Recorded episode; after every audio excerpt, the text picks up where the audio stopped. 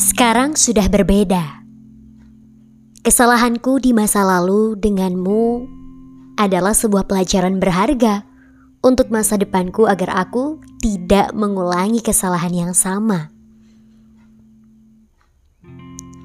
Aku pernah benar-benar mencintaimu, tapi itu dulu.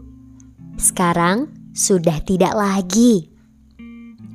Perasaan cintaku padamu hanyalah masa lalu yang saat ini sudah menjadi debu yang tertiup angin, terhempas, lalu menghilang. Kamu mengatakan bahwa akan selalu mencintaiku dan hanya ada aku saja. Nyatanya tidak begitu kan? Kamu menghadirkan perempuan lain dalam hubungan kita. Kalimat-kalimatmu, janji-janjimu, ucapan-ucapanmu semua hanyalah kebohongan. Aku memberimu sebuah kepercayaan, kamu memberiku sebuah pengkhianatan. Di setiap doa yang aku panjatkan, selalu aku selipkan namamu agar kamu selalu baik-baik saja. Kamu memang baik-baik saja, tapi aku yang tidak baik-baik saja. Sekarang aku tidak berani lagi menyebut namamu dalam doa-doaku. Bahkan, Aku tidak berani lagi menyebut nama seorang pun dalam doa perihal urusan percintaan. Biarkan hanya menyebut orang-orang yang jelas sajalah, seperti keluargaku dan diriku sendiri dalam doaku. Tidak perlu nama yang lain yang belum jelas hanya karena perihal perasaan. Kamu tidak pantas lagi ada di dalam setiap doaku. Kabar baiknya adalah Nabiku mengajarkanku agar selalu mendoakan orang-orang yang menyakitiku. Jangan salah paham, aku hanya menjalankan apa yang Nabiku ajarkan. Mendoakanmu yang terbaik bukan berarti aku ingin kamu kembali kepadaku lagi.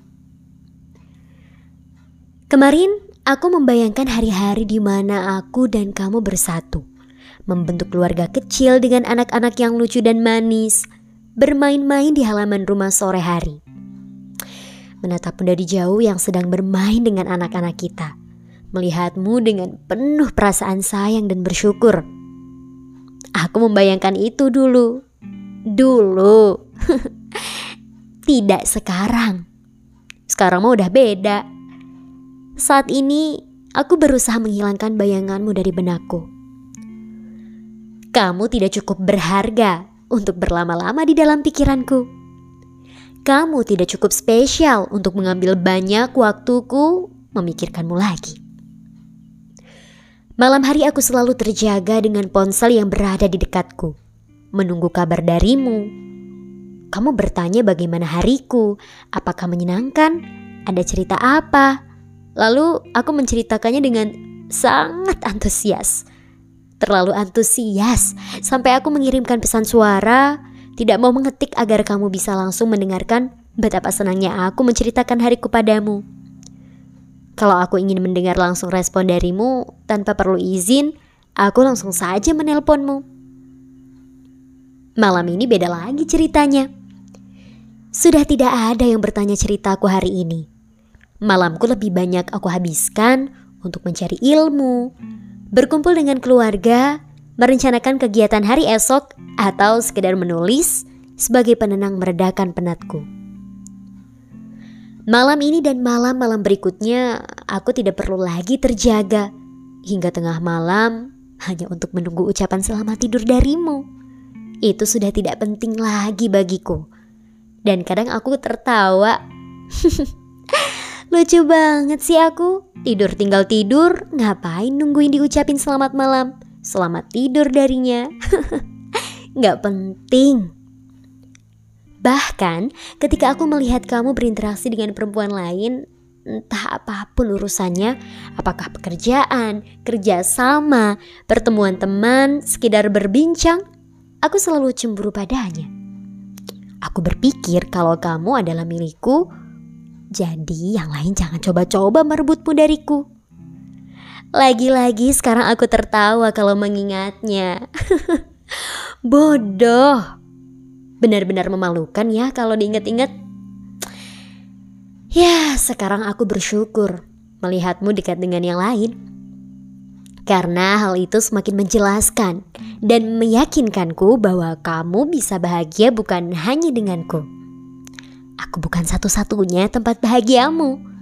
Kenyataan ini memudahkanku untuk semakin menjauh dan melupakanmu. Kecewa? Tentu. Sedih?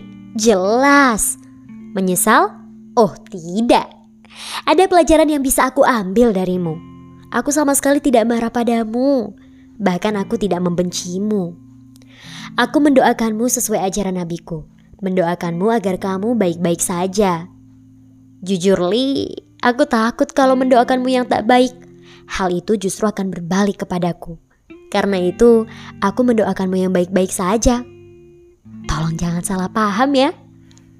Kamu mengajarkanku bahwa seharusnya aku tidak perlu berharap dan bersandar pada sesuatu yang belum jelas pada sesuatu yang belum pasti.